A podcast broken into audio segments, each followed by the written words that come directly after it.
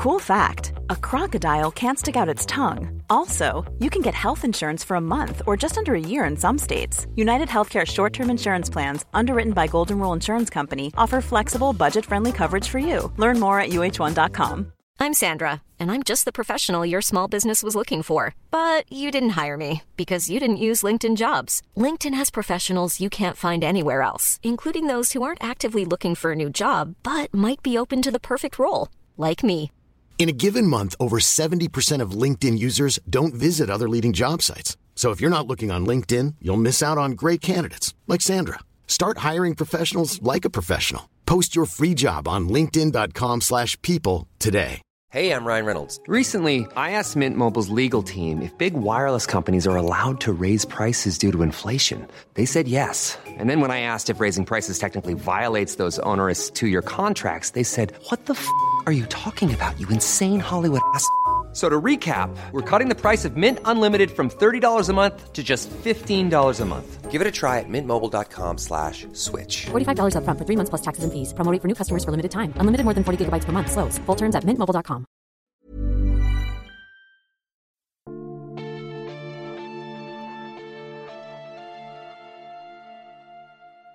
Välkomna till Sagan om Isfolket-podden avsnitt 70 Jungfrun i dimmornas skog. Jag heter Dan och med mig har jag Anna. Hej Anna!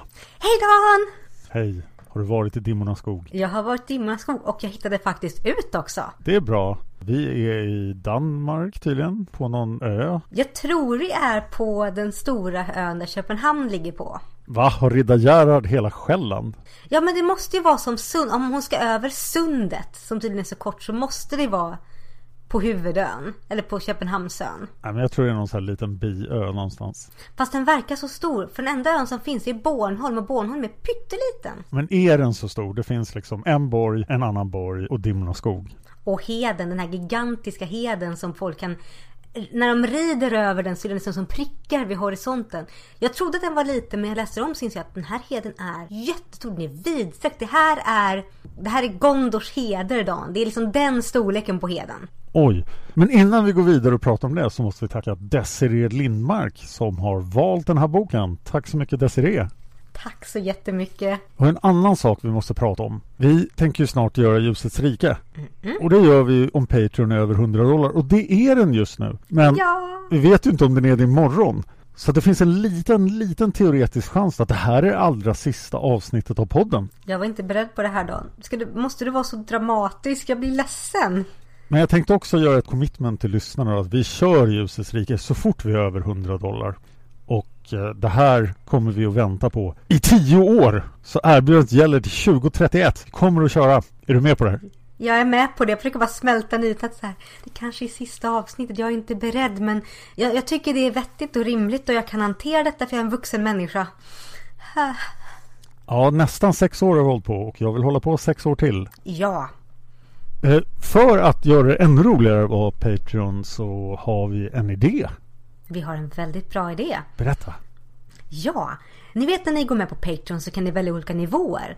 Och en sak som jag och Dan har varit lite, lite i skymundan med är att vi har ju ingen merchandise. Så att vad vi tänkte är att vi ska låta er lyssnare bestämma och vara med och utforma en liten pin. En liten brosch som eh, för Isfolket-podden. Och den designen, ni får skicka in design, vi lägger upp dem så ni får rösta. Och den design som får flest likes på vår Facebook-sida kommer vi att göra. Och skicka ut till de som är våra patrons. Hell yeah. Ja, och det här är inte alls en ursäkt för att jag inte kan rita och Dan inte kan rita. Ska det finnas någon skillnad på Patreon-nivåerna? Jag tänker att det får vi ta sedan. Men just nu känner jag mig väldigt generös. Jag är lite så här, jag vill ju att vi ska podda för alltid. Så att jag är så här, man får vara, om man är Patreon på vilken nivå som helst under ett visst antal avsnitt så får man den. Ja, följ utvecklingen på Patreon. Det här målet kommer att finnas kvar, att man får välja en bok ur Sandmoserien efter Ljusets rike. Och jag vet att det, är, att det är några som har sagt att de gärna vill detta men tycker att de, att de kanske var lite sena. Men som Dan säger, ni kan fortfarande gå in och stötta, var på rätt nivå och vi tar det efter ljusets rike. Okej, ska vi bege oss till Dimmornas skog? Ja, Danmark, 1200-tal. Är inte den här boken jättekort? Eller var de andra Sandemo-serieböckerna lika korta? Mm, jag vet inte. Min är... Nu ska, oh, det här ska bli spännande. För förra gången var ju din och min bok olika långa. Min är 160 sidor lång. Min också. Oh, hurra! Har din också det här väldigt tacky omslaget när hon blir uppsliten på hästen? Eh, oh ja, Ja, jag, jag kan inte hantera det här omslaget. till och med hästen ser lite tack ut. Ja, och det är lite mer, lite mer dekadent 1700-tals fantasy än 1200-tal och jag tror aldrig Wendelin ens kunde stava till sån här fin klänning eller ha så mycket material till en sån här klänning. Nej, och det stämmer ganska dåligt med vad hon hade på sig i den här scenen väl? Ja, att hon hade en klänning som slutade någonstans vid, vrist, vid vaderna, knäna, väldigt tunnsliten. Jag vill också påpeka att jag, jag försökte hitta lite grann vad det kan vara för 1200-talsklänning som har ett åsittande liv. För man hade nog inte liv på den här klänningen, man hade hela klänningar. Okej. Men jag är helt okej med det. Det känns som att början har vi varit med om ganska nyligen. Mm, en stark inledning av Margit där vi får där vi blir introducerade till karaktären, vi får reda på hur hon ser ut, vilka hennes egenskaper är. Inledning av en äldre förtrogen dam som ligger på sjukbädden. Det är lite Häxmästarens borg där igen Dan. Det är väldigt mycket. Väldigt mycket. Och vi har den här, den här varma, väldigt passionerade unga flickan med de här fantastiska färgerna och sitt, sin yppiga och slanka kropp. Så jag är så här, ja det här har vi sett, men jag, jag, jag är lite, jag, jag är lite okej med det Dan. Jag är lite okej med det. Ja, det kickstartar i boken i alla fall. Oh ja. Så bara, nu tänker jag dö, nu måste du fly till dimmornas skog. Ja, och jag tror att det som, det som gör att jag dras in i den det är att jag tycker ju om medeltidsriddarböcker, romaner. Jag tycker om den här stämningen, jag tycker om den här eh, stämningen som byggs upp med har den onde riddar Gerhard. Gerhard? Gerhard? Gerhard. Som bor i borgen borta vid Smart, Svartmosseby. Och vi har den här myska hedningen vi har i skogen. Det är väldigt trolls, väldigt hedniskt. Och jag faller för det väldigt mycket.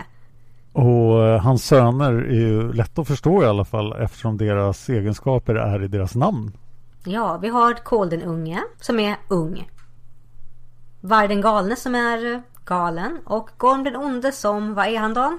Han är ond, helt överraskande. Jätteond! Ja. Och Alltså då, Margit har ju inte direkt kanske gått så mycket långt till skogs för att hitta de mest innovativa namnen.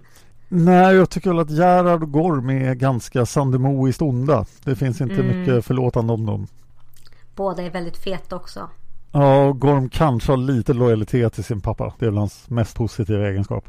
Han tänker inte undanhålla jungfrun från honom i alla fall. Nej, men vi har den här... Vi har liksom Varg som är galen och vild och väldigt så här typiskt sandemoisk stoisk.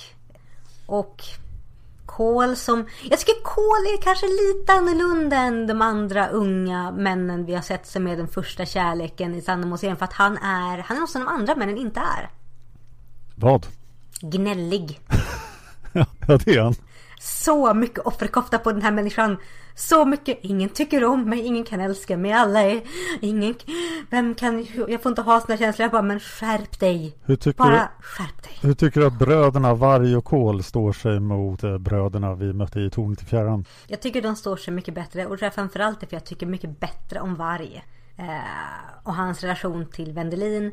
För att det är rätt tydligt från första början att Kohl och Wendelin har en väldigt bra vänskap. Det är det lilla det är det lilla förvirringen när hon där i början och tror att Varg och Kohl är samma person. Ja, vad de drog ut på det. Ja, men tack och lov inte så mycket. Jag tror det var max 40 sidor de drog ut på det. Max 40 sidor. Jag tycker det var 30 sidor för mycket. Ja, kanske. Det var verkligen så här, men kom igen, det är klart att det inte är samma person. Jag, jag blev inte ens övertygad första gången det hände. Att, varför tror ni det är samma person? Det, det som jag kan ändå svälja lite grann med Wendelin att hon är så förvirrad och lite naiv. Det är att det ändå är hennes första gång hon typ ser andra män förutom... Det är första gången hon ser andra män, punkt. Hon är ak- akut oerfaren verkligen och naiv.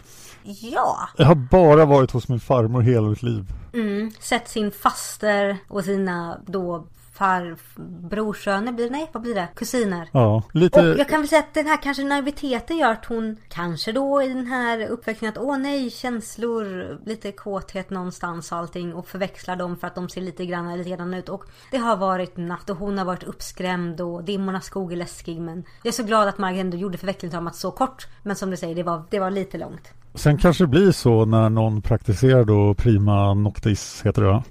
Den här länsherrens rätt till den första natten. Är det så den heter?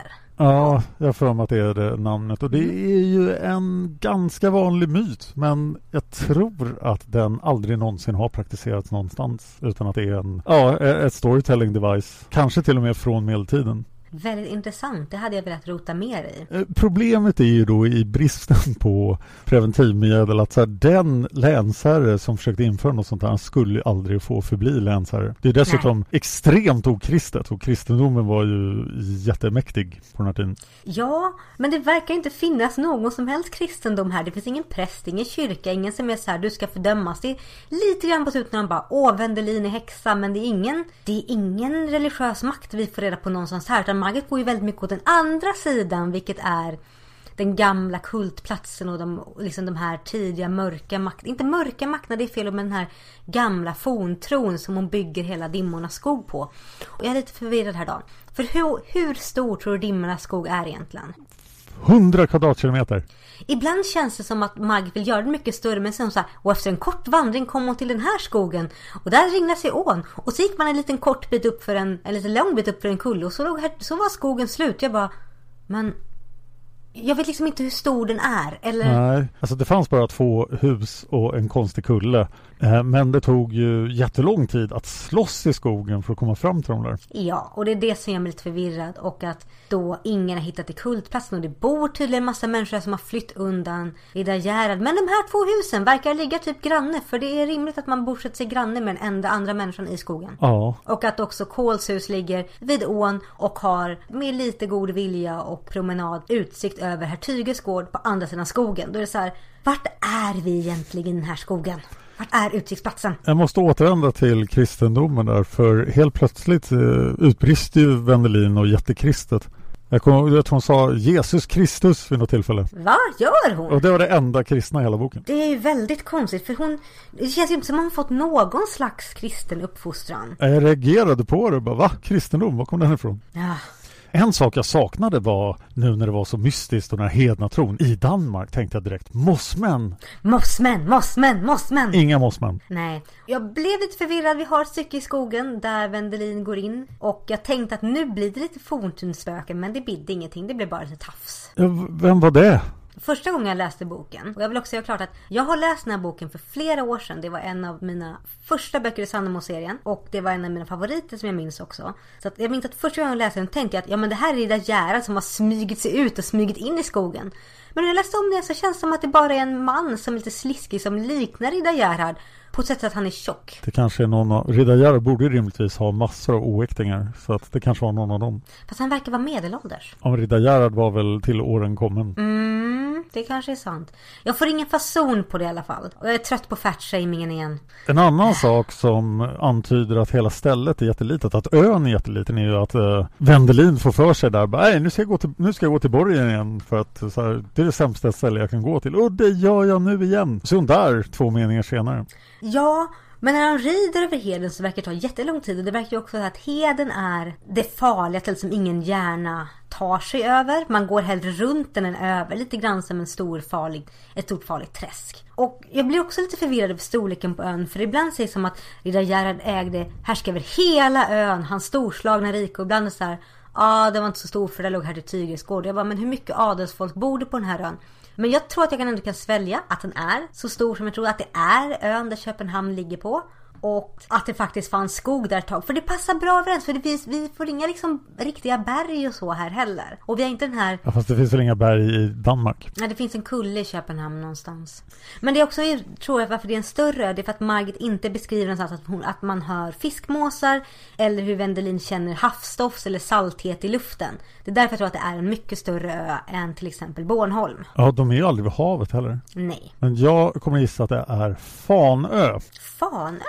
Ja, i region Syddanmark. Utgör idag Fanö kommun. Det är inte helt orimligt du. Jag har glömt den ön. Jag har ingen som helst bas för den här gissningen. Men det verkar vara en ö i lagom storlek. Och därifrån är det väl tillräckligt nära till Sverige för man ska kunna ta sig över med båt över sundet. Ja, fast är det det sundet? Det kan väl vara ett sund vilket som helst. Och öar innebär ju sund. Ja, det är sant. Det verkar inte vara en stor resa som till exempel när Sharon i Häxmäsborg ska över till Kanada. Utan det verkar vara att det går båtar regelbundet här över sundet. Det verkar vara en rätt bra grej. Och jag säga att herr Tyge har land i Skåne. Att han har en herrgård där. Ja, just det har han. Då borde han närmare än Fana. Ja. Jag tror det är Köpenhamnsön vi är i ändå. Ja, vi får låta er lyssnare gissa vilken ö det är. Det kan ni göra i tråden för den här boken. Tänk om det står vilken ö det är någonstans. Då är det här jättepinsamt. Jag hoppas inte det. Det tog mig jättelång tid. För jag var så här, men vi är inte i Danmark. Sen bara, okej okay, vi är i Danmark. Gud vad pinsamt. Okej, tillbaka till narrativet. Ja, narrativet. Wendelin in i skogen. Såklart hon har med sig katten. Hon har med sig katten. Ja, katten var ju ganska skön. Katten var skön. Sen försvann den lite grann. Men det är ändå skönt att hon liksom beger sig från farmodern, har katten, bosätter sig i farmoderns stuga och träffar då liksom Toke när hon går dit på dagen. Eller träffar, hon ser honom. Ja. Och sen då på kvällen, på natten då blir väckt och är så här att Åh nej, vi är upprorsmän som ska besegra Riddar Gerhard och vi har en plan för dig. Och kan vi prata om den här planen har den som är helt dum i huvudet? Revolution! Ja men hur revolutionerar man genom att så här, men vi har en plan här. Du ska gå dit, du ska låtsas att du är jung, du ska liksom vi ska låtsas att vi har fångat in dig. Du ska då göra dig redo att ligga med riddaren. Men vi kommer rädda dig. Sen kastar du ut och sen så lockar vi till dimmornas skog. Jag bara mhm, mhm. Det känns ju som de rimligtvis borde haft en plan innan hon lallade in i skogen. För de hade agenter på slottet och allting liksom. De bara på detta på ett så här, en höft? De hade en lång 500 sidors plan men så bara en jungfru, nu kan vi göra så här istället. Ja, det gör vi, revolution! Men hade de bara väntat på detta? Eller väntade de liksom till att hade de flera jungfrur under koll som bara vem, vem kan vi skicka in till detta liksom? Nej, de kanske hade en mycket sämre plan så bara en jungfru var vad de behövde. Och Riddargärd hade sett till att det inte fanns några jungfrur. Mm. För det känns som att de har handhaft sitt lilla gerillakrig i flera år. De har liksom tunnat ut Riddargärds styrkor och liksom dragit av de som var trogna och de som har tyckt att ah, men han är inte så bra. De har fått liksom gå upp i rebellsidan. Och det känns som att Riddar Gerhard och Gorm den onde är väldigt medvetna om att Dimmornas skog där är det farligt men de har liksom inte lyckats greppa att det är där rebellerna håller till. Alltså vet de ens att rebellerna finns? Det är det jag inte vet men ja just det 1200-tal. Att deras män försvann i skogen. Om ingen kommer tillbaka och säger att de har hittat rebeller så är det svårt för dem att veta. Ah. Alltså bara, det är spöken i skogen, vi går inte dit. Det finns två borgar i en skog. Var kan rebellerna vara? Åh oh, nej, de är nog inte, de är, de är nog inte i skogen i alla fall. Nej, för där är ju spökena, så där kommer de inte vara. Precis. Jag tycker ändå det är väldigt dålig plan. Och sen när då Wendelin och Toke beger sig in, ska bege sig in till byn och vi har den här lilla intermessot med att Wendelin då får reda på att åh, vänta mannen som jag var dragen till är inte samma som Toke eller Kol. Och hon blir jätteglad och så här, åh nu kan jag vara din vän odelt. Alla bara, åh nej vad dålig stämning det blev nu här plötsligt. ja. Så dålig stämning. Vad tycker vi om varje dag? Ja, men han är väl en klassisk sandemoisk bad boy. Väldigt, väldigt bad boy. Han är ju lite, lite mer bad än vad de brukar vara faktiskt. Just att han är så galen. Och... Ja, mer rå. Väldigt rå. Vilket får en förklaring senare. Ja, allt är bara en mask för hans känsliga inre som den rätta kvinnan kan komma åt. Och han är också förgiftad. Ja, och det med. Nej men han känns väldigt mycket råare och jag, jag slits väldigt mycket när jag läser men Wendelin ditt jädra spån. Sluta! Till att Oh, ja, jag kanske hade... Vet du, jag varit i den åldern med aldrig träffat en man förut. Hade jag fallit för... Hade jag fallit för Aragorn eller fallit för Frodo? Du hade fallit ah. för Aragorn. Ja, för att Aragorn var inte en bad boy. Så det går inte heller hem med den jämförelsen. Oh, och Fro Frodo är 90 centimeter lång. Okej, okay, jag hade inte fallit för Frodo. Han är lite för kort. Men du förstår vad jag menar liksom. Man är liksom... Man faller ju för the bad boy. Det är ju det som är många flickor och kvinnors, inte dröm, inte fantasi, ska inte säga många, men en del av den fantasin. Jag tror Margit, Margit spelar ju på det väldigt skickligt här. Och det har ju hänt i alla de här tre böckerna vi har läst ur Sandemo-serien. Ja, jag vill nog säga att varg är den mest sympatiska av dem. Trots att han är rå och jätteoborstad och så, så är han nog den mest sympatiska av dem om jag ska vara ärlig. Förutom, ja kanske, kanske i, häxme, kanske i Tornet i fjärran. Men han var så dåligt utbredd i personlighet så jag fick inte så mycket grepp om honom rent personlighetsmässigt. Varg känns som en riktig person. Ja, han känns definitivt som den bäst tecknade av dem. Eftersom han är liksom också mycket mer bad än de andra. Och... Ja, men han får också mycket mer nyanser och undertoner och mycket mer mångfacetterad. Han existerar Han existerar i relation till Wendelin men också utanför relation till henne. Han har en familj, han har en familj han försöker hitta en balans mellan. Han har liksom ett ansvar som är så mycket större. Vi får se honom i alla de olika skedena. Hans ansvar mot rebellrörelsen, hans ansvar mot sin familj, sin mamma. Så att vi får se mycket fler sidor. Till exempel med Gordon i Häxmästarens så fick vi bara hintat om att han har mycket ansvar och så. Men han var ju, han var ju samma personlighet oavsett. Ja, det är helt rätt. Han har, Varg har ju en väldigt grym backstory och den bygger honom som karaktär. Plus att vi får se hans andra relationer. Ja. Jag reagerade på, bara för att hoppa igen då, precis i slutet när vi får reda på att hans riktiga pappa var en greve. Ja, vad hände där? Då tänkte jag, men det här är ju som bäddat för en uppföljare. Liksom. Varg och Wendelin söker hans ursprung. Han kanske var en svensk greve. Jag hade väntat mig sån här bara, åh, åh, han var en svensk greve och Ingeborg bara, åh nej, det var din pappa. Så du, du ärver en grevevärdighet i Sverige och allting löser sig och hurra och Wendelin blir grevinna och allting blir bra. Ja, det var ju ungefär vad som hände sen. Ja, lite så. Ja, okej, tillbaks till historien i Ja. ordning. Så Varg, vad tycker vi om Wendelin och Vargs relation? Ja, den är ju eh, intensiv. Ja, det är den definitivt. Det är väldigt mycket toppar och dalar. Och vi kan säga så här, med Häxmästarens borg så drömde Sharon om det skira, romantiska, vackra. Det är mycket, det är väldigt lite, lite skirt och vackert här. Det är väldigt mycket passion. Väldigt mycket passion. Mycket passion och mycket kroppsliga känslor om jag ska då försöka fila mitt språk här. Det är, det är väldigt, det är väldigt hett. Ja, Väldigt mycket brinnande känslor överallt. någonting piper i bakgrunden. Ja, ska se vad det är. Varför, oj, ja, det, varför hör mitt jobb av sig så här dags? Sluta stressa Anna. Ja, så nu är ljudet av i alla fall. Bra. Det är väldigt mycket hetta, det är mycket passion och jag tror att det kanske är det här varför jag tyckte så mycket om den här boken när jag började läsa den som tonåring. För jag tyckte att åh, det jag slits med på den här fantasivågen, det är fint för jag kan bara liksom vara med på den. Jag vet inte vad jag tyckte om den idag. Jag tyckte det var lite cringy faktiskt. Jag tyckte såhär, åh nej! Det är som när man öppnar en dörr och ser att några ligger och liksom grovhånglar. Man bara, åh nej! Och förlåt, jag vill inte se detta just nu. Jag, jag tänkte undvika det ordet tills du sa det, men jag, jag cringeade ganska många gånger. Det är lite jobbigt. Ja, men de, de är också väldigt eh, arga på varandra och ledsna och allting. Toppar och dalar som, som den första förälskelsen. väldigt verbalt arga på varandra. Bara, Nej, du krossar! Du krossade min värme i natt och jag kan aldrig någonsin se på med samma ögon. Jag bara, oj herregud, nu är det mycket, mycket höga ord här. Mycket långa, svåra meningar. Och sen har det vänt åt helt andra hållet två meningar senare. Och bara, nu hjälp mig Wendelin och allting jobbigt. Jag bara, ja, men kan ni bestämma det här? Men som sagt, det är den första förälskelsen för dem båda. Kol och Kirstens passion var lite mindre. Ja, men jag tyckte om den på något sätt. Det passade in att Cole som stod liksom och drömde om henne och trodde han aldrig kunde få henne och sådär. Och lite lagom Ferdinand under korkeken sitter och tittar där och är så här. "Ah, Nej, det blir nog aldrig någonting. Och jag tycker om Herr Tyge och Kirsten tyckte jag väldigt mycket om. Det här Tyge kändes lite som en typisk länsman ur isfolket. Ja, där sa du någonting. Ja, han var lite rättrådig, hade lite makt och så här. Men ja, gjorde bra saker generellt. Och jag tyckte väldigt mycket om eh, Mogens, både han, han och hans fru Beate. Och så här, väldigt bra Sandemo-sidokaraktärer. Ja, absolut. Och riddaren då när de då, om vi går tillbaka till handlingen. Kol och Wendelin rider till borgen. De ska då genomgå den här planen. Och riddaren är bara så otroligt stereotypiskt ond. Fast en sak jag gillade med riddaren var att han, han var så tjock och eländig att han bara skulle utnyttja den rätten och vara först på jungfrurna för att det var hans rätt. Han orkade inte riktigt men han bara, ah, jag måste göra det. Sen bara, hon är inte jungfru längre. Bara, nej okej, skit i det.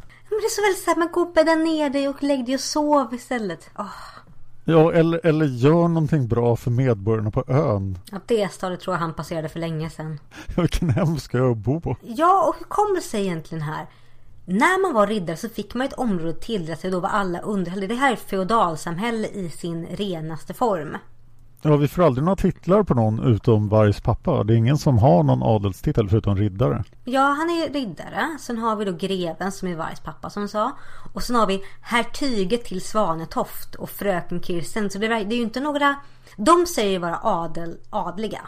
Och de säger bara sig, de säger att ja men det hade varit ett bra parti men det är lite under riddarens rang. Det är någon slags låg frälse alltså. Det är ingen baron ens. Nej, jag är lite förvirrad över detta men jag tror ändå att det kan det kan ändå falla på plats. Om vi tänker riddare, sen har vi hertyge.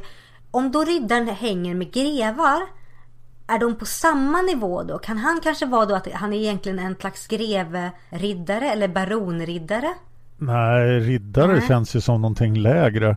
Men jag får mycket vibbar att det här faktiskt utspelar sig tidigare än 1200-tal. Att det är så då? adeln är inte så himla noga. De är liksom stormän Mm. som har samlat hirdar runt sig. Att det är flera hundra år tidigare. Så du tänker ungefär någonstans vid vikinga, vikingatiden kanske? Ja, det skulle förklara frånvaron av kristendom också. eh, Förutom i den där meningen där det fanns. Mm. Ja men jag hade nog kunnat köpa det mer men jag kan förstå att Margit hellre vill ha borgar av sten och riddare än här har vi, här har vi träborgen och eh, en jarl. Det blir inte riktigt samma, inte riktigt samma grej. Jag får en känsla av att hela platsen, hela ön är en äventyrssetting i ett rollspel. Åh ja. Fanns det inte någon gammal och Demoner-borg, eh, eh, och Demoner-bok som hette så här, Mörka skogen? Kanske det hette? Ja, och då, då är det så här, ligger den ena borgen, här ligger den andra borgen, här är den läskiga skogen. Ja det känns som Go. standardgrejen. Bara, nu ska ni in i den mörka hemsökta skogen. Alla bara åh nej. Inte den mörka hemsökta skogen. Finns det en skatt där? Kan vi få XP för den? Ja, eller en, en ryktestabell skulle kunna finnas också. Så här, Var den onde är egentligen inte riddar Gerhards son. Jag förstår att Margit vill lägga det i en tydlig riddartid. Det kanske... Om man tänker på när hon skrev den. Och jag tittar i min bok nu för att se när min gavs ut. 1986. Vid den tiden så var det väl väldigt inne med riddartid och Ivanhoe och så var inne. Vi, vi har lärt oss av de här också att de ofta är skrivna tidigare. Ja, just det. ja. Men om man tänker så här, jag tror att riddartid och Ivanhoe så var mycket hetare än vad vikingatid var. Så att jag håller med dig. Settingen känns ju mycket mer trovärdig om man placerar den 900-talet, 800-talet. Men jag förstår varför Margit vill lägga den på en typisk riddartid och ha riddar Gerhard. Men det enda som är riktigt riddaraktigt och 1200-tal känns som att borgen är jättestor och har en massa konstiga gångar och saker. Och vallgrav och... Men det är ju inga helrustningar och riddarspel direkt. Nej, så det känns ju som att det är en väldigt gammal och historisk borg. För den har uppenbarligen en gravkrypta där det ligger liksom flera begravda. Så att den har ju historia. Ja, det är inte heller någon heraldik eller något sånt. Nej, inget vapen. Och ingen av, ingen av dem har något riddarvapen. Och de talar mycket om de här korta taggkantrade kjortlarna. Och jag är inte helt säker på det här med taggkantrade kjortlar och sam- sammetgrejer. Så, Nej. Okej, vi fortsätter med narrativet. ja. Så, de rider till borgen. De, de ska sätta sin plan i verket. Och den går ju självklart jättedåligt. Va? De, jag trodde den var felfri. Den bara, vi har planerat för allt. Har ni planerat om någon skulle ingripa i er plan? Nej, det hade vi ju inte gjort. Aj då. Oops. Och då så kommer ju Wendelin på att Men Varg och Kol, ni är ju riddar Gerhards söner! Och hon blir ju räddad ganska många gånger. Ja, hon är ju väldigt mycket damsel in distress. Hon blir räddad nästan hela tiden. Ja. Värst i bålet kanske, men dit kommer vi. Men i alla fall hon rider hem med Kol som... Kol blir ju gnälligare och gnälligare. För jag märker att när jag först började läsa om Kol så var jag så här, Ja men det här verkar fint och han verkar vara en fin genuin människa. Han, läser, han lär Wendelin att läsa. Och de pratar om saker. Och sen blir han mer, mer och mer gnällig. Att, ja det fanns ju te som hjälpte mot smärtan men det är nog slut nu och... Ja, nej. Jag tror att han fick det när han Kol den unge eftersom han dog så ung. Och innan dess, innan hans förmodade död så var han faktiskt känd som Kol den gnällige. Jag köper den förklaringen rakt av för att han är så otroligt gnällig och som Varg säger självupptagen och inte gör någonting riktigt själv och... Mm, mm, Och hans fina hus har varg inrett åt honom. ja, och alla blommor och sånt där. Och... Margit kanske försöker få till ett triangeldrama här igen. Det känns inte så rimligt för att jag känner direkt liksom att Cole blir så gnällig att jag aldrig någonsin hejar på honom och Wendelin överhuvudtaget. Nej, och Wendelin har ju valt direkt. Ja, hon har valt det och det blir ju tydligt när hon sitter där tidigare det i boken sitter i den här kojan efter mötet på kultplatsen. Hon bara känner ingen dragning till kol utan känner någonting annat. Så det, det är tydligt, hon vet ju vem hon vill ha. Ja, Och ja, alltså sedan så blir det så här. Då har ju hon flytt dit och riddaren får ju någon slags ja, raseriutbrott deluxe. Och tycker att nu ska alla in i dimmornas skog. Alla män ska dit. Nu ska de slå ner det här. Vi ska, vi ska krossa spökena. Det är fortfarande oklart om han känner till rebellerna känns som. Det känns som att det är väldigt mycket effort för att få tag på en enda flicka. Ja, det är en principsak för Riddar Gerhard. Men de, han säger också någonstans i boken att han har få män kvar och Gorm har sina män som han inte vill låna ut för att folk är så ute efter honom. Så jag säger att ja men är det här verkligen vad ni ska lägga tid och energi på hörni? Är det verkligen det här ni ska lägga tid och energi på? Men det här var ju vad revolutionen ville också. Att alla, alla soldater skulle in i Dimmornas skog. Och så går det ändå inte så jättebra. Nej, det känns som att de hade den här tanken att så fort alla kommer in så kör vi gerillakrig. Och det gör de på något sätt. Men det tar mycket längre tid och riddaren kommer ju inte dit heller. Och medan hela kriget pågår i skogen så springer Wendelin runt och leker Florence Nightingale åt kol och ska laga, fixa hans ben och hans feber och allting. Någonstans där så kommer de på att ja, man är inte jungfru längre. Då vill inte riddaren åt mig. Uh, awkward. Jätteawkward. Och så bara, men Kol, det här löser vi. Jag bara, hur vet du hur det här går till Wendelin? Hur? Ja, fast hon sa väl att hon inte visste det riktigt. Nej, men varför kommer hon då med den idén? Kohl har väl i alla fall sett sin pappa förgripa sig på någon så han kanske vet hur det går till. Åh, det är så mycket, mycket terapimaterial i den här boken. Ja, ön behöver en duktig terapeut. Ja, det är säkert därför inga präster fick jag. De bara tog en titt och bara nej, vi drar till Sverige. Stannar vi här så kommer vi få göra all terapijobb. Det händer inte. Prästen brände kyrkan och drog. ja, men lite så. I alla fall så tack och lov så inser Wendelin där att nej det här är inte så det ska vara. Jag känner ingenting och Kohl accepterar det tack och lov. Annars hade jag blivit ännu mer irriterad på honom. Och sen så inser Wendelin att Varg har inte kommit tillbaka för han skulle rida tillbaka och så han är inte där. Då kommer Wendelin på att jag ska gå och få ut honom i borgen. Ja, jag klär ut mig lite hjälpligt och sen bara gör jag grejer. Det känns som att det enda hon har på som förklämd är en huvudduk som döljer hennes vackra hår men Känns ju som att det borde finnas annat som avslöjar henne typ hennes ansikte. Ja, hon blev ju avslöjad också. Ja. Oh, fru Ingeborg också så otroligt med. ja, men det var ju tur att hon hittade nyckeln där. Ja, Margit byggde upp väldigt bra. Det får jag säga att Margit byggde upp otroligt bra. Där med den här scenen med galne varg. Jag blev lite chockad när jag läste den. Jag bara oj, det här var det här är jätte, jätteläskigt på riktigt. Ja, den var riktigt bra. Mm. Och också hur Wendelin handskas med det. För det är så otroligt mänsklig reaktion. Hon går inte in och bara Men varg, du måste göra Hon bara såhär Nej men hon är här. Hon, hon får inte fram några ord. Hon bara okej okay, men krama mina armar som driver sönder dig själv. Hon är väldigt så här Mom deserves the best and there's no better place to shop for Mother's Day than Whole Foods Market. They're your destination for unbeatable savings. From premium gifts to show-stopping flowers and irresistible desserts. Start by saving 33% with Prime on all body care and candles. Then get a 15-stem bunch of tulips for just $9.99 each with Prime. Round out Mom's menu with festive rosé, irresistible berry chantilly cake, and more special treats. Come celebrate Mother's Day at Whole Foods Market. Hi, I'm Daniel, founder of Pretty Litter. Did you know cats tend to hide symptoms of sickness and pain? I learned this the hard way after losing my cat, Gingy. So I created Pretty Litter, a health monitoring litter that helps detect early signs of illness by changing colors, saving you money and potentially your cat's life. Pretty Litter is veterinarian developed, and it's the easiest way to keep tabs on your fur baby's health right at home. Go to prettylitter.com and use code ACAST for 20% off your first order and a free cat toy. Terms and conditions apply. See site for details.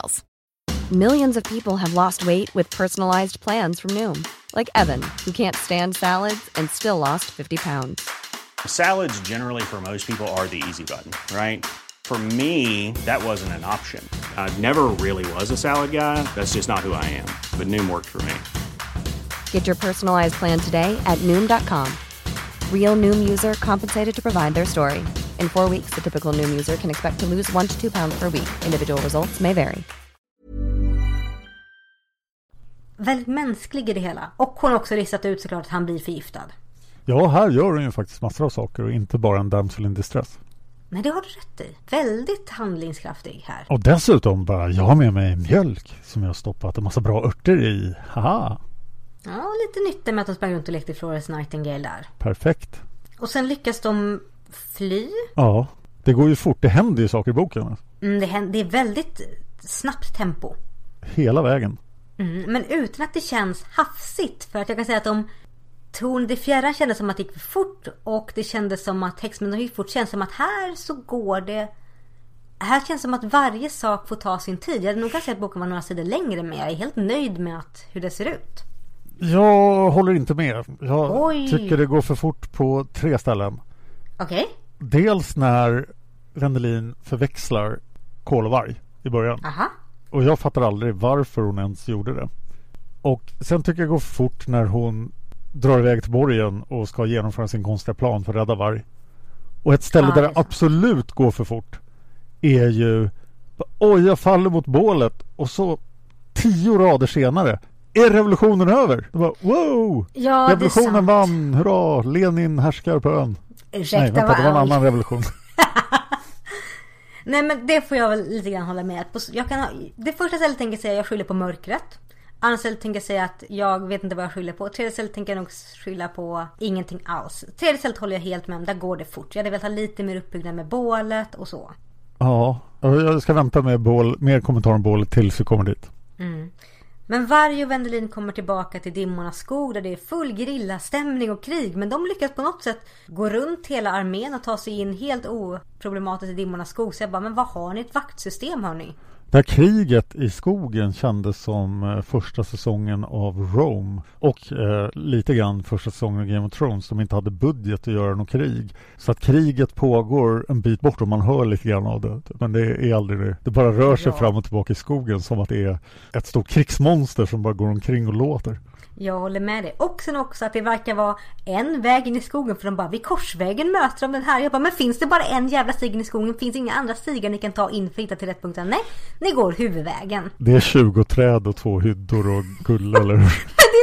jag känns ibland. Det är därför jag inte får en uppfattning om hur stor skogen är. För jag bara, ni hade säkert kunnat ta vilken annan väg in i skogen som helst. Och det finns ju uppenbarligen skog runt omkring skogen. Men nej, ni går huvudvägen in i skogen. Jag uppskattade i och för sig att det kom dimma en gång så man Ja, fattar var varför den heter så. Åh.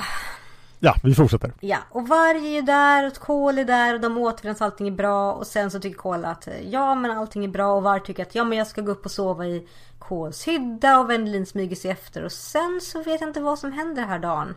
Gorm! Nej. Eller, nej, nej, nej. Ja, jag måste ju eh, göra grejer först. Ja. Ja, vad är det som händer här dagen? För visst ligger de med varandra? ja, det gör de. Det är en öm och fin kärleksscen där allting går korrekt till. Nej, det är det ju inte. Är det inte? Nej. Oj då. Det är det som gör mig så förvirrad för jag är så här, Jag tror inte att det här har consent. Fast jag blir osäker. Och sen blir jag osäker igen. För det är, inte, det är ju inte som i Häxmästarens borg där vi kunde direkt säga ja.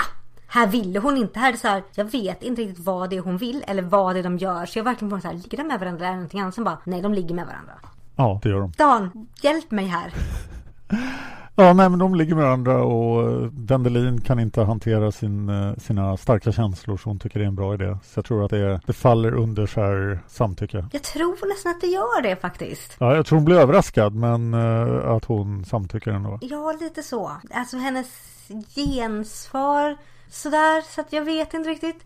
Sen att varje dum i huvudet efteråt, det är en sak men... Han är en riktig rövhatt men det är han ju ganska ofta. Ja, men här är det ju verkligen så här, nej, usch. Och sen Ja. då? Vad händer sen? Sen Gorm! Sen Gorm. det Ja, jag just var det. den roligaste scenen i hela boken. Okej. När, när Wendelin springer iväg och han beordrar sina lakejer bara Ta henne, för henne till riddaren. Och så lyder alla honom. Han bara vänta, vänta, vänta. Inte lämna mig ensam här! Jag, Ah! Jag skrattade högt när jag läste det. Jag tycker det är en väldigt fin, cinematiskt snygg scen där Mark här. Och här stod alla tre bröderna och i mitten stod hon som de alla hade en relation till. Jag bara, oh, det här är ett väldigt bra serieögonblick. Väldigt snyggt med den mörka skogen i bakgrunden och heden bakom Gorm. Åh, det är snyggt. Det är väldigt snyggt Margit. Mm. Ja, det var en riktigt bra scen. Ja, och sen så kommer här Tygo och skjuter Gorm med ett armborst. Ja, den här scenen är för bra. Det blir armborst. Tjing! Tunk. Eh. Och så borde ju allting vara bra, men Wendelin tas till borgen. Jag, jag uppskattar i och för sig att Gorm dör på ett typiskt medeltida sätt. Han får liksom en skada och sen kan de inte hantera skador så han dör av följderna. Ja, det är väldigt medeltida. Och sen så tycker jag lite mer illa om Cole för han bara Cole bröt ihop och vilket sammanbrott så de tog inte hand om det för sen var det för sent att följa efter Wendelin. Jag bara men herregud hur gammal är människan? Han är ung, det vet vi. Ja och gnällig. Cole den unge och gnällige. Och sen så tycker de bara äh. Men de, han kommer bara sätta ner tornet, vad är det som kan hända? Och man bara Det här var alltså jungfrun, ni byggde ett plan runt som gjorde, tog rätt stora risker för er och ni bara äh, hon kan sitta i tornet ett tag. Här går det också väldigt fort för att det är fortfarande Nu vet de att det finns rebeller och att det pågår en revolution men nu är Riddar bara nej nu ska vi grilla. Alla måste vara med. Hurra! Ja, men han, han, är, han gömmer sig ändå. Han sitter ju insvett i manteln med sina livvakter. Han sitter inte liksom på något stort podium som man kan se i medeltida filmer. Han bara, nej, hon ska bara brinna för att det viktiga här är inte att han hämnar sin äldste son eller håller makten över sitt riddardöme. Det är viktigt att han får hämnd på den här jungfrun. Som nu inte är jungfru längre och det är det som man måste ta hämnd på. Ja. Prioriteringar, Gerhard. Som jag fattar han, de, de fixar till ett bål. Ja. Och sen reser de en stege. Ja. De binder henne vid stegen då, vänd framåt mot bålet som jag Ja. förstår det. Och sen tänker man alltså när bålet har tagit fyr ordentligt då bara slänger man ner den i elden. Ja. Hon ska inte liksom brinna på en påle i elden som man brukar göra med häxor utan hon ska vältas in i elden. Men jag tror att det här med stege och binda folk vid stegar, det, det existerade faktiskt. För jag minns någon barnbok där, eh, jag tror det var gamla häxbränningar från Tyskland som tog upp där de faktiskt hade det här med att så här, de band faktiskt folk vid stegar. Det låter inte som en bok lämplig för barn. Nej, jag läste väldigt mycket olämpliga böcker. Jag läste klart barnböckerna sen så gick jag mot vuxenavdelningen och läste all fantasy där istället. Sen blev det häxbränning. Ja, sen blev det häxbränning. Ja, och det här är ju det värsta damsel in distress ögonblicket och räddaren i nöden ögonblicket för att Springer in i elden. Ja, stegen faller framåt. Hon kommer så nära elden att hon blir skadad av ljuset från elden Ja. i ögonen. Är det en grej? Jag vet inte, jag, jag funderade på det väldigt länge. Jag tänker att det kanske är hettan. Ja, fast de säger flera gånger att det är ljuset, att hennes ögon har bländats. Jag vet inte, för så starka invändningar. Det nog kan jag tänka om det var typ att de skulle tvinga en titta i solen i flera timmar. Men eld tror jag inte. Jag tror Ja, man kan titta i eld på eld- rätt nära håll. Ja, det är ljust men det är varmt också. Det borde vara ett värre problem. Men han drar alltså undan stegen så att hon aldrig hamnar i elden. Mhm, utan faller. Utan hon Han faller så nära elden att hon blir bländad till den grad att hon blir skadad och sen dras hon åt sidan. Ja, hon faller på axeln och får brännskador lite grann på hår. Lite av håret bränns upp. Men som Tyger säger, som kvinna är väl glad att veta att ditt ansikte inte fått några men. Jag bara ursäkta, ska du ha stryk på riktigt i ansiktet? nu ska du ha stryk Tyge.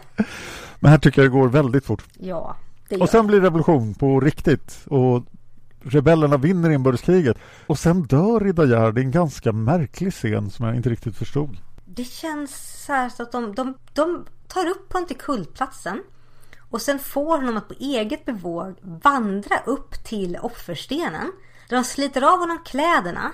Och sen dödar honom med svärd. Med ett svärd. Så jag tror de hugger huvudet av honom eller bara kör ner. Det är väldigt mycket Narnia här. Mycket Narnia. Ja, och det är proletariatet som liksom pressar honom framåt och det är bara en massa. Han kan inte göra någonting åt den. Nej, och ingen vill hjälpa honom. Man känner igen så verkligen att han kände igen människor från sin livvakt som man trodde var döda. Och kvinnor som han skändat från byn. Och männen de senare gift sig med. Så jag bara, det här är också väldigt cinematiskt snyggt Margit. Ja, det, det var väldigt läskigt tyckte jag. Ja, väldigt hedniskt, väldigt obehagligt. Så här, vi har ju hela tiden haft det i boken att varje den som ska döda sin far då kommer han begå självmord sen för han orkar inte med skammen. Men nu det så här, det var en man från Svartmosse och hans namn bör glömmas, han handlar för oss alla. Så jag bara, varför tänkte ni inte på det här från början? Det kändes lite spirited away nästan. Att man hade så här massa personer utan ansikte som dödade honom och de representerade alla på ön. Mm. Och jag tänker liksom att i, om det här blivit en serie, att man hade gjort ett avsnitt av varje Sandemo-bok, så det här liksom alla börjat mumla typ Justice, we need justice så här, så att de bara mumlar det. Så blir det en ljudmur runt honom också. Det blir en enorm utmaning för Kol att styra den här ön då efter Ja. allt det här och skapa en bättre samhällsordning på ön. Det känns ju som att, om jag ska analysera det här lite krasst, det känns som att Ja visst, han kommer kanske styra men det kommer bli så att så fall han styrs genom Kirsten och Tyge för det känns de som, det är de som har liksom någonting innanför pannbenet. Till det bättre förmodligen. Man kan alltid hoppas. Jag hoppas och tror att alla på ön levde lyckliga de också. Ja.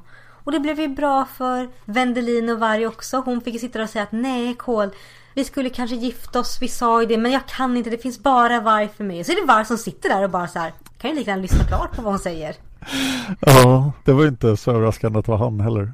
Nej, det var det inte. Eftersom just hon trodde att han var död, men vi trodde inte det som lyssnare, eller som läsare. Vi trodde ju aldrig det, vi visste ju. Det hade ju varit mycket mer effektfullt om vi faktiskt hade trott att han var död. Ja, nu så var det aldrig någon tvekan om det. Nej, jag tyckte slutet var ju till förväxling likt de andra böckerna ur Sandemo-serien. Mm. Det var verkligen Ja. ja. det är ett lyckligt slut. Bara här, ni får en borg, hurra! Det känns dock lite mindre rumphugget än till exempel Häxmästarens borg. För här ser vi som att de har... Det är inte det att de står så här, vi kanske bygger det här framtiden. Nu är de liksom på sitt nya ställe. Hennes ögon är helade, hon har en vacker blå klänning på sig. Det är så här att, ja, det är bra. Och vi får också reda på att, ja, Varg har svårigheter fortfarande men han tar sig igenom det bit för bit. Så det känns som att det är lite mindre rumphugget. Och hade det varit en isfolketbok hade vi nog fått en 40 sidor till. Mm. Vilket hade nog varit bra. Eller en bok till. Wendelin och Varg letar efter hans pappa. Det hade faktiskt varit nice. Jag gillade slutet i Häxmästarens borg för det var det var ganska låga pretensioner. Så här, nu får vi äntligen bygga vårt hus. Men här är bara, ja en borg. Hurra, allt är superbra. Det är sockersött så att man så står den upp i halsen. Ja, och jag tror att jag gillar den här boken bättre än Häxmästarens borg. För jag tycker bättre om Wendelin och Varg som par. Jag kan inte förlåta incidenten i förra boken. Nej, det är svårt. Mm. Men jag var ändå lite mer, eh, vad ska jag säga, förundrad och tyckte att Häxmästarens borg var en mer spännande bok. Spänningsmässigt håller jag med. Det var mycket mer som hände. Mycket mer mysterier, mycket mindre självklarheter. Den här boken var mycket snabbare i tempot. Vi visste vad som skulle hända. Det var inga överraskningar. Det var inte så att man bara Åh gud vilken överraskning. Det var så här Nej, vi vet vad som händer. Det är en rak sträcka. Vi ska dit bort. Och vi vet detta. Häxmästarens var mer klingerikrok. Det var så här Va? Är det doktorn? Vem är det egentligen som händer? Åh nej, nu går det på åt skogen. Det var sällan man blev överraskad. Ja, det slår mig nu att jag tyckte, jag förstod insatserna bättre i Häxmästarens borg. Jag förstod platsen bättre. Jag förstod varför folk gjorde som de gjorde bättre. Mm. Men jag, jag säger inte att det här är en dålig bok. Nej, det är inte en dålig bok men jag tror att skillnaden det här är väldigt mycket. Det här är mellanmjölksriddarroman och det andra var ett försök till en större deckarberättelse som hade kommit till sin rätt med 50 sidor till.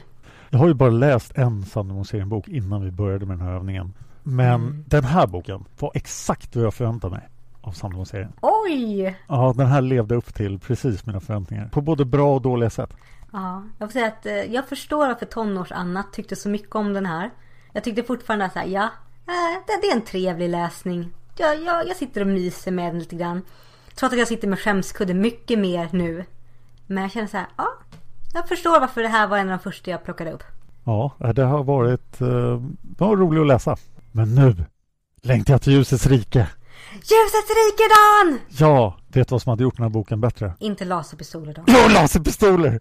Vi pratar, åh gud. Och jättedåliga kommunikationsdevices som är sämre än smartphones, fast mycket längre i framtiden. Och vit, vitare, vitast. Ja, nu, nu spoilar du lite. Jag tror redan du har nämnt dem. Nej men vad som hade gjort det bättre också är kanske, möjligen de svävande föremålen i luften. Ja, det hade varit awesome. Mm, där hade de tagit sig över heden i ninjafart. Nej, men tänk om man på slutet av den här boken har fått reda på att den utspelar sig i ljusets rike. Det hade varit spännande. Eller man säger, nej nej men det här är inte 1200-talet, den här ön är ett experiment. Det är ju ljusets rike. Ljusets rike geografi fungerar ju så här. Det finns ju Läskaskogen, Höga berget. Nej, det var Bamse. Ja, och Bamse. Men ja, ljusets rike. Dan, vi är där nu. Nu, nu händer det. Men först vill vi höra vad våra lyssnare tycker om Jungfrun i Dimmornas skog. Mhm. Vi ställde ju följande frågor som vanligt. Vad tyckte du om boken? Favoritögonblick i boken? Och vilken är din favoritkaraktär?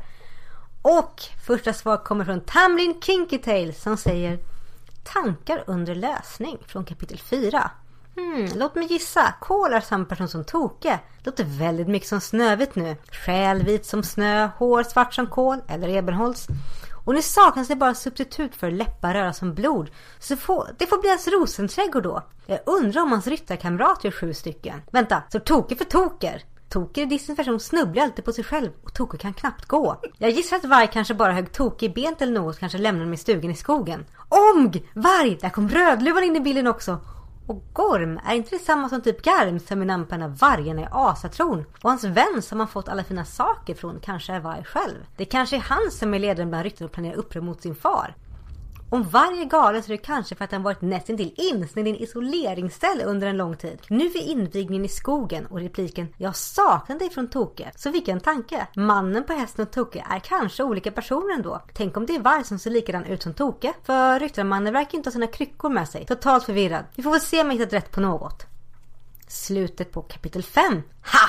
Så var de ju två! tokig en skendöd kol och ryttaren på den svarta hästen måste definitivt vara varg.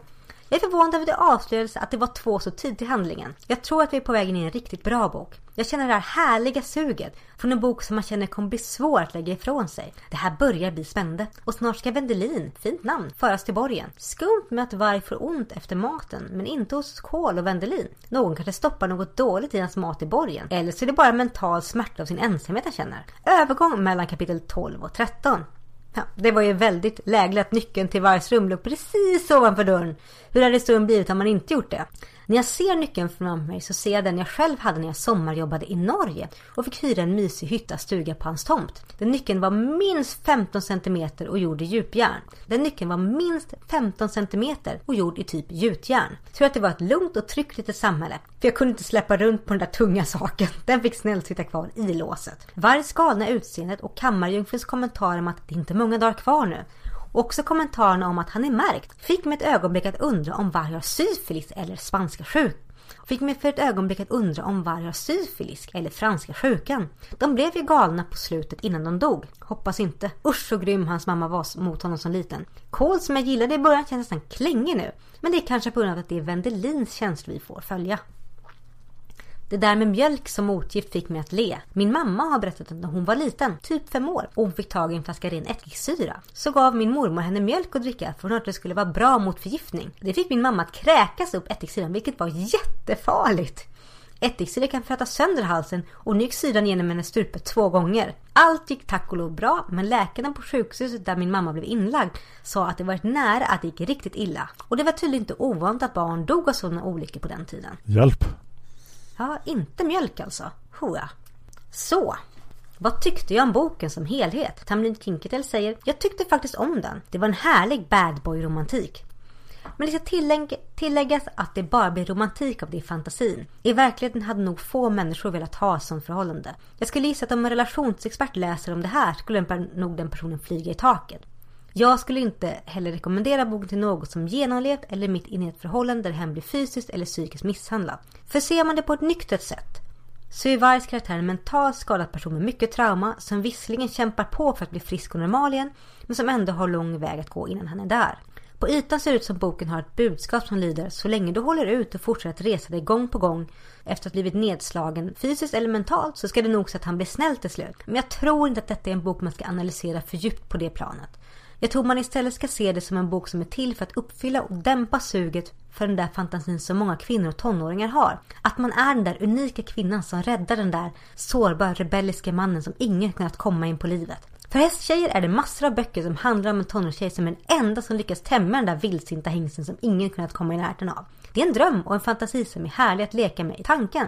I verkligheten förstod nog de flesta som lever i sunda förhållanden att detta med att leva med en sådan man eller vara hästkunnig och komma nära en otänd vildes är rent dumdristigt och livsfarligt.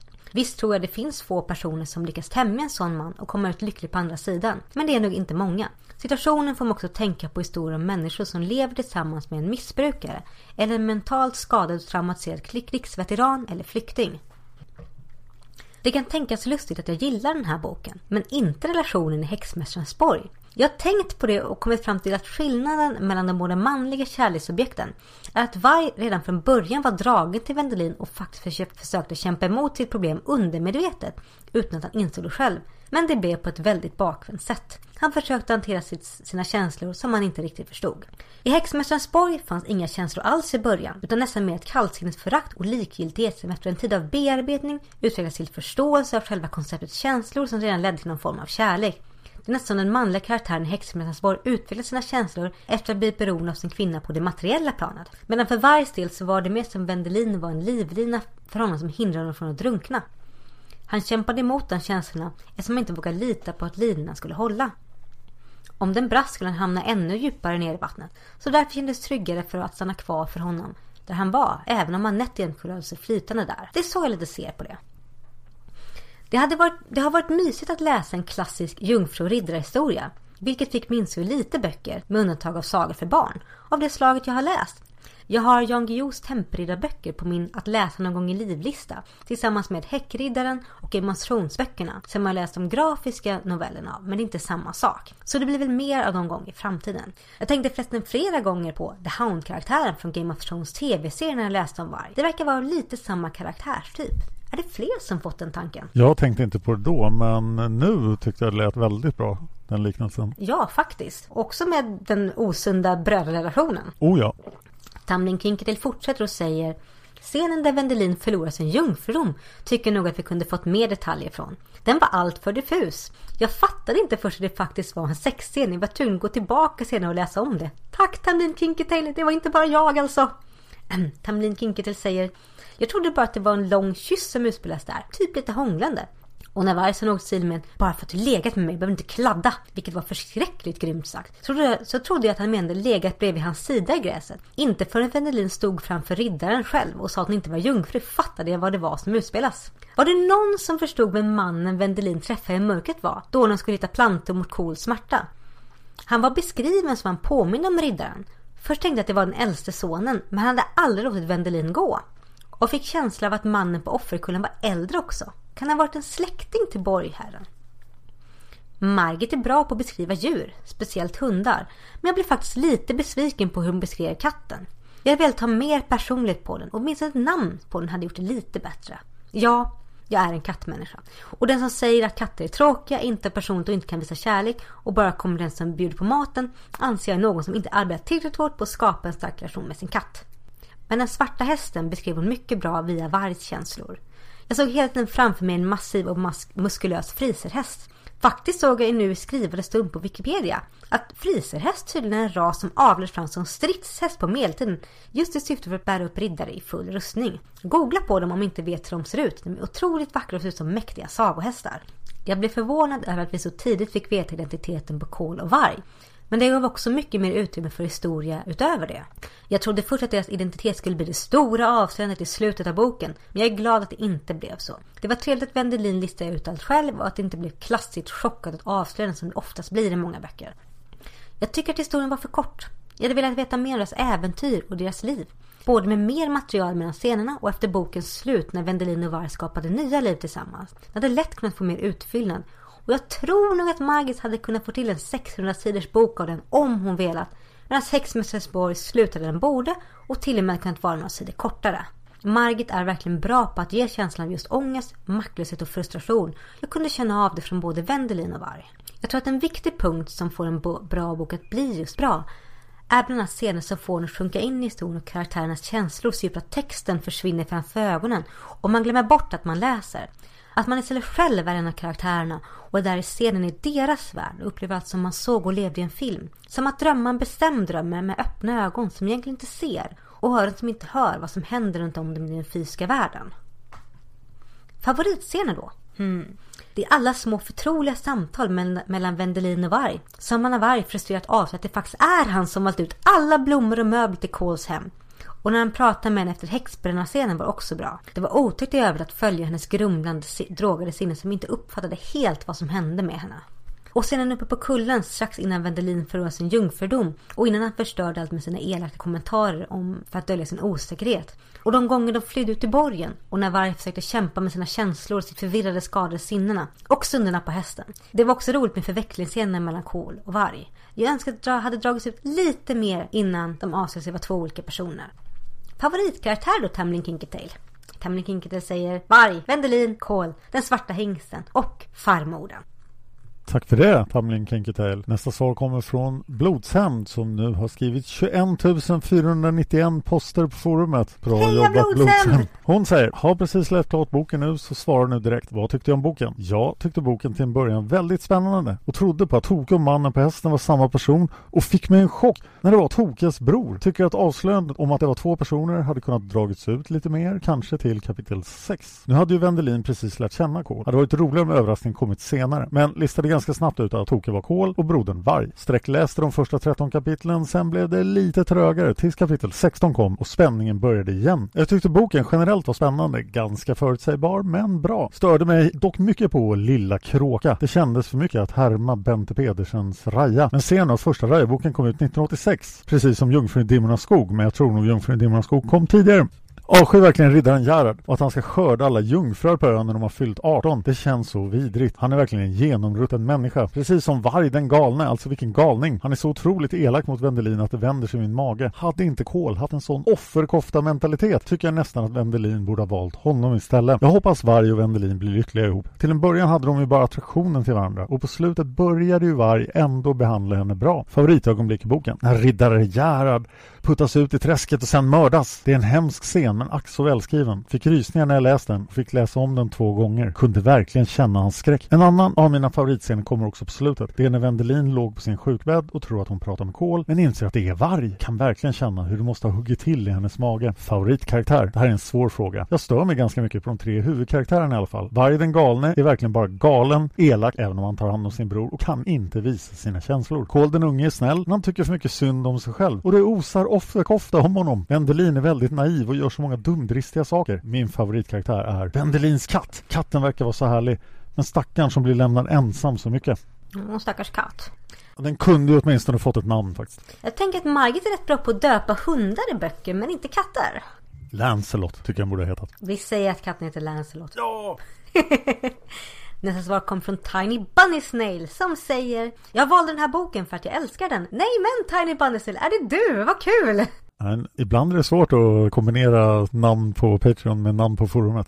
Tiny Bundle säger det är lite konstigt för första gången gillade jag inte den alls. Då tyckte jag bara att Varg var vidrig och att huvudpersonernas kärlekshistoria var alltför motbjudande. Men Margits böcker brukade annars vara tvärtom. Jag tyckte den var romantisk som tonåring men förfasade mig mycket över den som vuxen. Men just den här boken har av någon anledning växt på mig. För det första är det nog stämningen. Den har en sån otrolig sagostämning som jag bara avgudar. En mörk Törnrosa eller en ond Snövit-saga ungefär.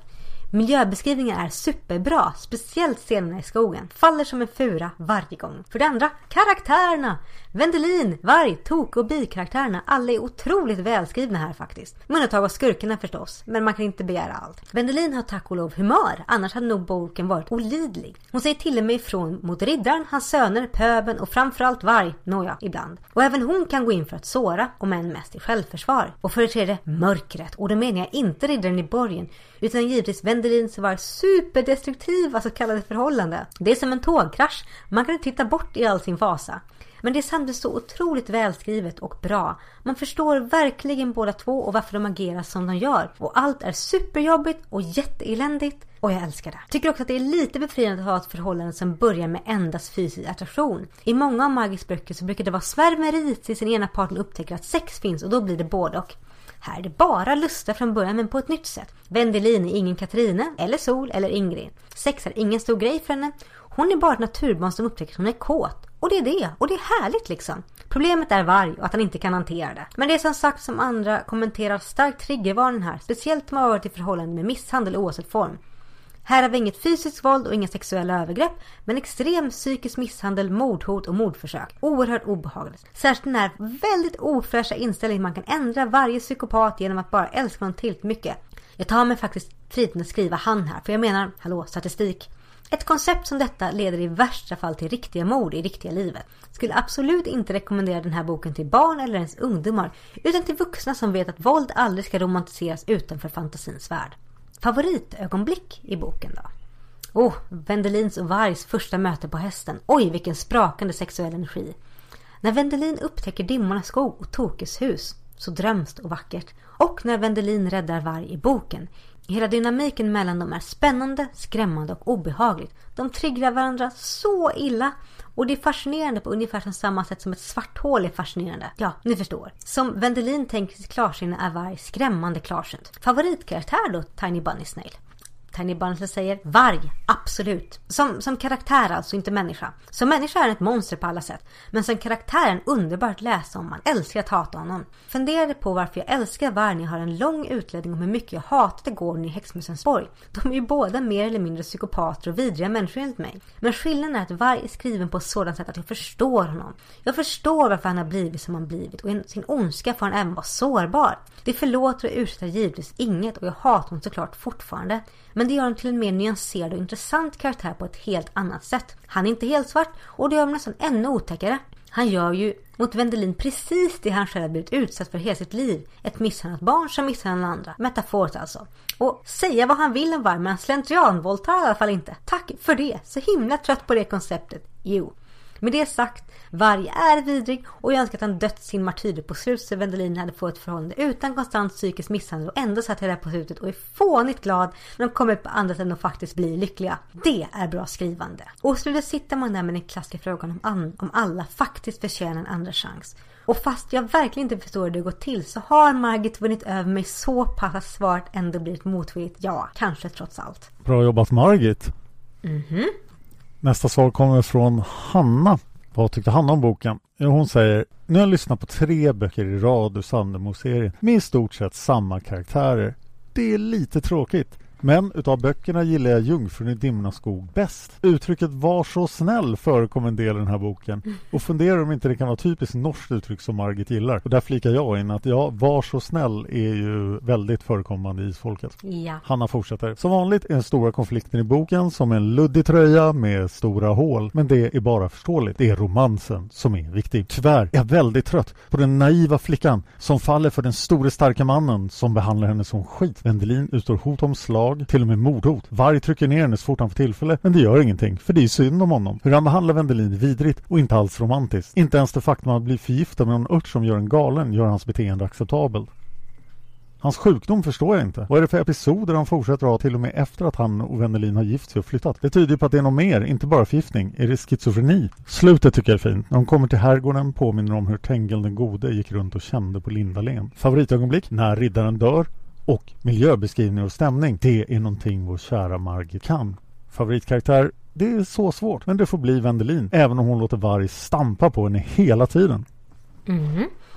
Och nästa svar kom från Silja Arngrimsdatter som säger Som många andra så tycker jag Margit är som bäst när hon skriver historiska romaner. Gärna när de ligger långt bak i tiden. Då får historien en riktig anstrykning av äventyr. Men det finns ju också några mer moderna romaner som är riktigt bra. Som Det förläte Bärnen och Nåkläcken för några exempel. Två av mina absoluta favoriter bland alla Margits böcker. Så handlingen i Jungfrun från Takeskogen, eller då Jungfrun i Dimmornas skog, ska utspela sig på 1200-talet och detta är en bra historia med onda riddare, en ung tilltalande jungfru, en brödrakonflikt, ett uppror mot ondska och maktmissbruk och en liten antydning av trolldom och övernaturlighet. Jag gillar denna boken, kanske inte lika mycket som första gången jag läste den, men den är underhållande och bra skriven och har en rad intressanta karaktärer. Både huvudkaraktärerna som Vendelin, Varg och Kål och bikaraktärer som Hertyge, Mogens och Wendelins farmor. En sak som jag tycker är en smula irriterande är namnet Kål. Nu är boken skriven flera år före Sagan om Isfolket och mycket före den var ens var påtänkt. Men Kål Simon är en av mina allra största favoriter och Kål i den här boken liknar inte honom det minsta annat än på hårfärgen. Jag läste Djupt i jorden innan jag läste Jungfrun från Tåreskogen. Annars hade jag kanske tänkt motsatsen. Av de alla tre böckerna i Sandemonserien som ni har tagit med i podden den här gången så är det den här jag gillar allra bäst. I alla fall just nu.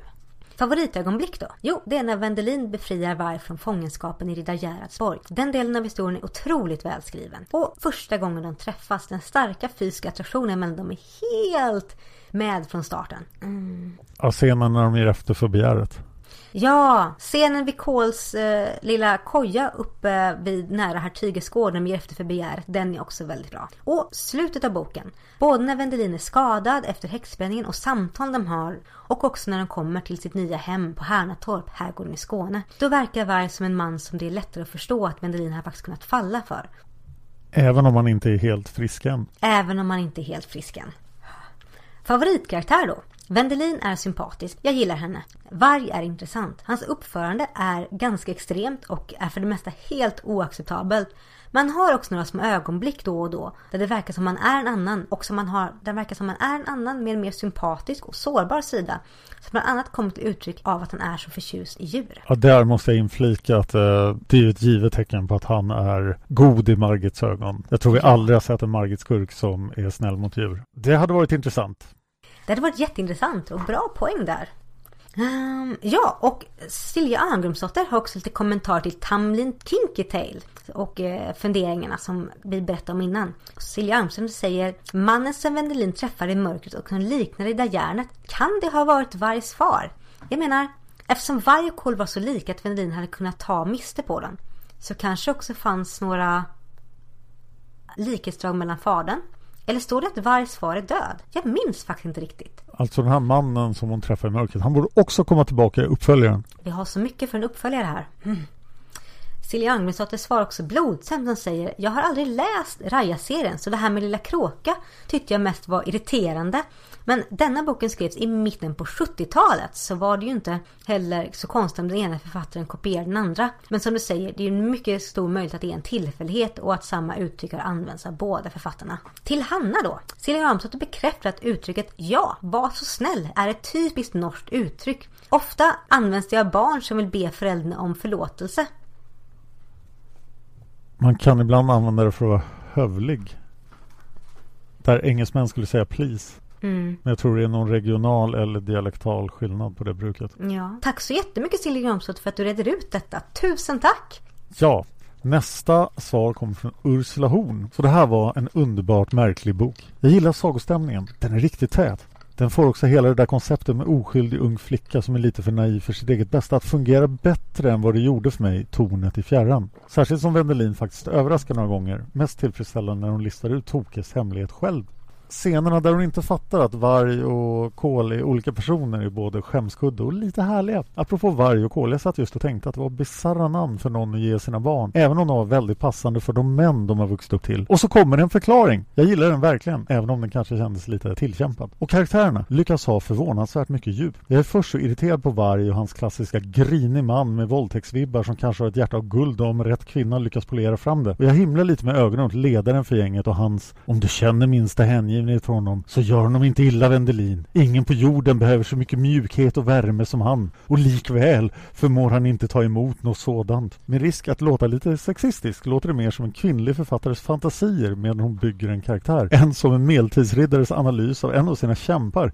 inför en möjlig ny flickvän. I alla fall, Varg är klassiskt jobbig och jävlig men när sen det här med förgiftningen dyker upp och hans kamp mot den så blir hela den här idén med att hans onda sida egentligen inte är en del av honom plötsligt mycket mer verklig och jag börjar motvilligt bli mer fascinerad.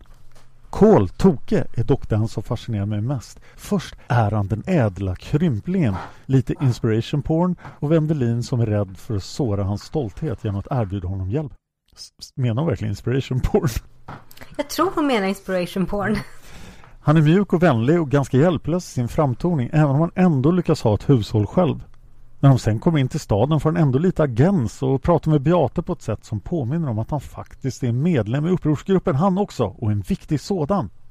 Och hela tiden är han kontrasten till sin bror Varg. Först genom att vara den mjuka och vänliga men sen när Varg ska få lite mer positiv uppmärksamhet får han det på bekostnad av att Kol utmålas som gnällig och jobbig. Det är fascinerande hur Kol, bara för att han är i vägen för Vargs och Wendelins romans, får så mycket skit för att han gör hemska saker som att klaga när han har ont efter att ha blivit våldsamt misshandlad. Hur kan han liksom? Hur kan han ha sitt eget mentala trauma att kämpa med efter att ha blivit så illa slagen från början?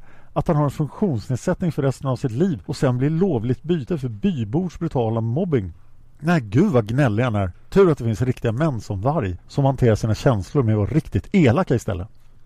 Jag orkar inte ens ge mig in på det bisarra med jag ska ligga med varje 18-årig flicka och ännu mindre på men jag har någon slags heder i hon under 18 är hon naturligtvis ointressant. Eller hur plotten är uppbyggd runt att Wendelin är het nog att riddaren tappar all sans och vett. Även om okej, okay, hans stolthet har nog sitt med i spelet också. Det är ett sagoelement som jag kan köpa även om jag inte gillar det. Och vad är grejen med spöket eller vad det är som Wendelin träffar i skogen vid något tillfälle? Däremot gillar jag urkraften i när hela traktens befolkning gemensamt gör sig av med riddaren. Det finns någon slags verklig magi hur hon tränger ut honom mot offerplatsen och hur hon låter honom slå dem och inte ens slår tillbaka. Bara fortsätter tvinga honom vidare med sitt blotta antal.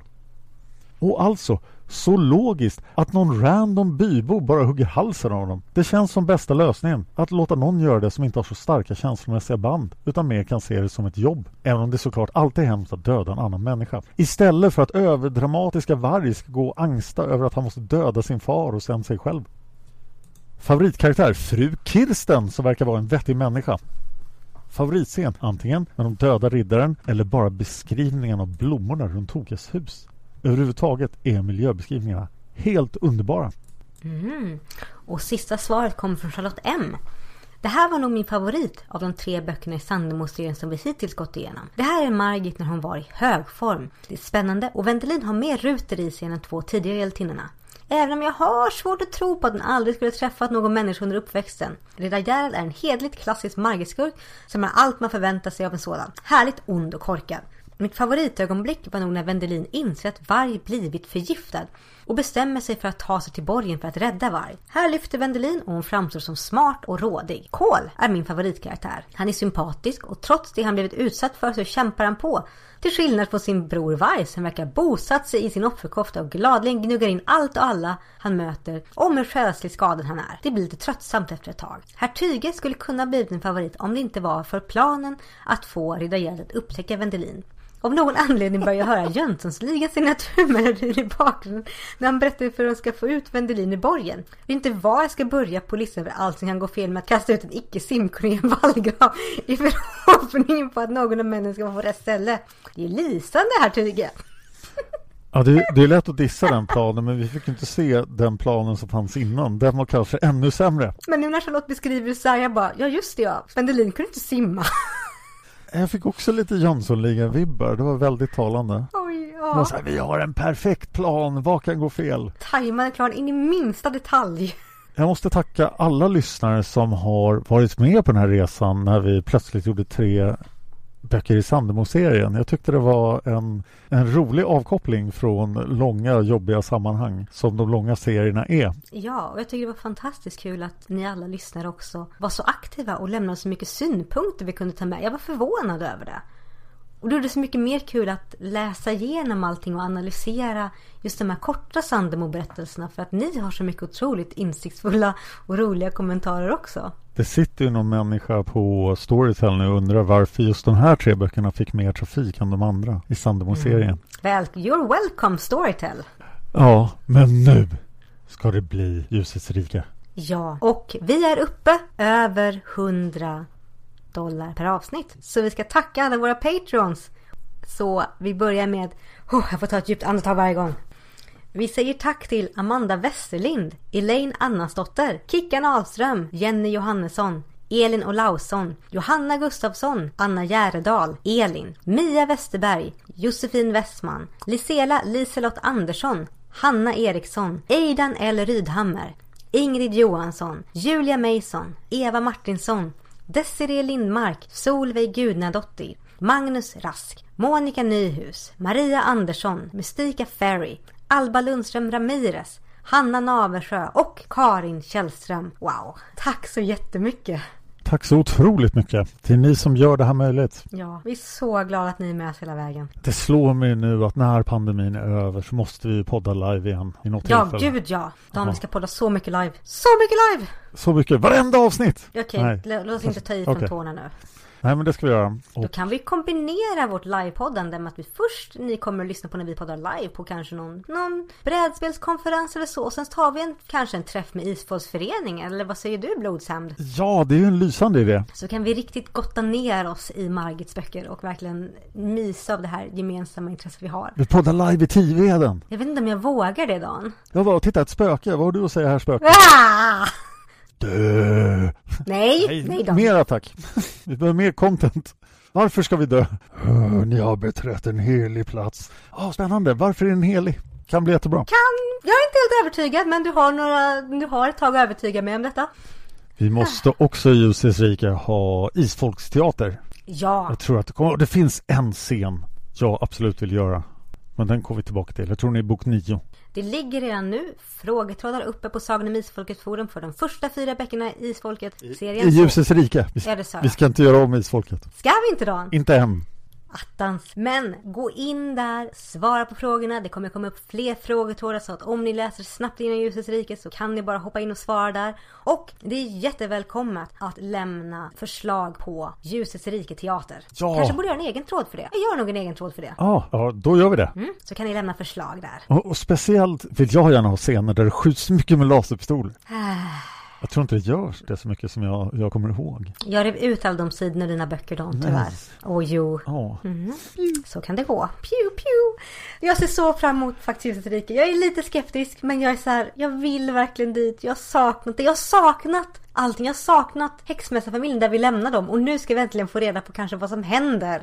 Jag vill ju säga faktiskt att en av de bästa scenerna jag någonsin har läst finns i bok två av Ljusets rike. Oj. Jag ska återkomma till den. Ja, det får du göra. Nu blir jag jättenyfiken. Men jag får vänta. Sen kommer vi fram till Nattsvarta rosor. Åh, bok 11. Ah. Så bra. Eller om det var bok 10. Minns inte. Den var bra i alla fall. Ja, jag minns inte heller vilket nummer den har. Men bra är den! Och rosorna är Ja. jättesvarta. Ja, så till nästa gång Dan. Vad kan man hitta mer av dig? Ja, vad kan man hitta mer om mig? Eh, jag finns på Twitter och Instagram. Heter Dan Hörning och är ensam om det, så jag är lätt att hitta där. Och eh, ja, sen har jag en Facebook-sida som heter Dan Hörning författare och poddare och där postar jag det mesta av alla konstiga poddar jag gör. Och det är ganska många. Du har jättemånga poddar. Ja, jag försöker stenhårt i år att inte starta en ny podd. Men jag har fått förslag som jag har varit frestad till, men jag har sagt nej. Än så länge. Ja, men över tio kommer de att fortsätta vara. Det är bra. Vi behöver mer Dan Hörning-poddar. Vad- jag, jag tänker också när pandemin är över så kanske jag borde så här, träffa någon människa istället för att gömma mig hela tiden. Du kanske borde göra det Dan. Ja. Eh, Var kan lyssna hitta mer av dig, Anna? Jag finns på Instagram och Twitter. Jag heter Anna Seras. Och Setsuna Seras på Instagram då. Jag har en Facebook-sida som heter Setsuna Seras. Där får ni jättegärna gå in och följa mig. Där bloggar jag mycket mer nu, både på svenska och engelska. Och ja, jag blir väldigt glad att ni följer mig. Framförallt så vill jag knuffa lite extra på Instagram. För där vill jag gärna upp mina... Där postar jag mycket korta stories nu om allt möjligt och analyser och tankar. Så det är där man kan hitta mig. Och Om jag känner dig rätt också så när pandemin är slut kommer du dyka upp överallt och prata inför Ja, folk. gud ja. Ja, jag kommer vara på alla konferenser, föreläsa om allting. Jag är så svältfödd på mänsklig interaktion då. Det är ganska många konferenser. Man, så här, I södra Botswana är det så här, hur ska jordbruket gå vidare? Så bara dyker Anna upp där så här, ah, tycker Ja, ni ska nu! göra så här? Ja men alltså på riktigt, jag kommer på alla konferenser över hela världen. Ja, det låter stressigt. Du får inte glömma att eh, podda om ljusets rike dock. Det ska jag inte glömma om. Ja, bra. Tror vi bör sluta det här avsnittet nu. Ja, så nästa gång då, då beger vi oss in i ljusets rike. Åh, jag är så taggad! Och det blir bara en viskning då. Varför blir det bara en viskning? För att boken heter det. Jaha! Oh. Bara en viskning. Jag är så pepp! Så vi ses i ljusets rike då. Det gör vi innanför portarna. Hej då! Hej då!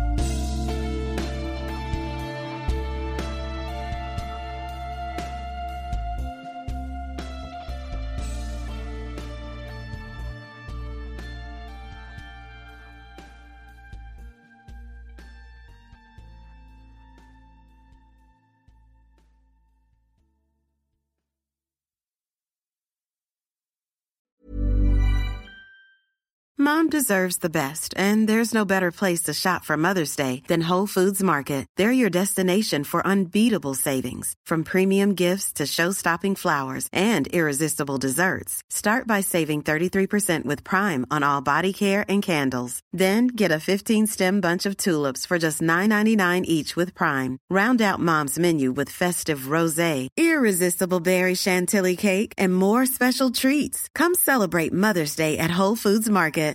Hi, I'm Daniel, founder of Pretty Litter. Did you know cats tend to hide symptoms of sickness and pain? I learned this the hard way after losing my cat, Gingy. So I created Pretty Litter, a health monitoring litter that helps detect early signs of illness by changing colors, saving you money and potentially your cat's life. Pretty Litter is veterinarian developed, and it's the easiest way to keep tabs on your fur baby's health right at home. Go to prettylitter.com and use code ACAST for 20% off your first order and a free cat toy. Terms and conditions apply. See site for details. Planning for your next trip?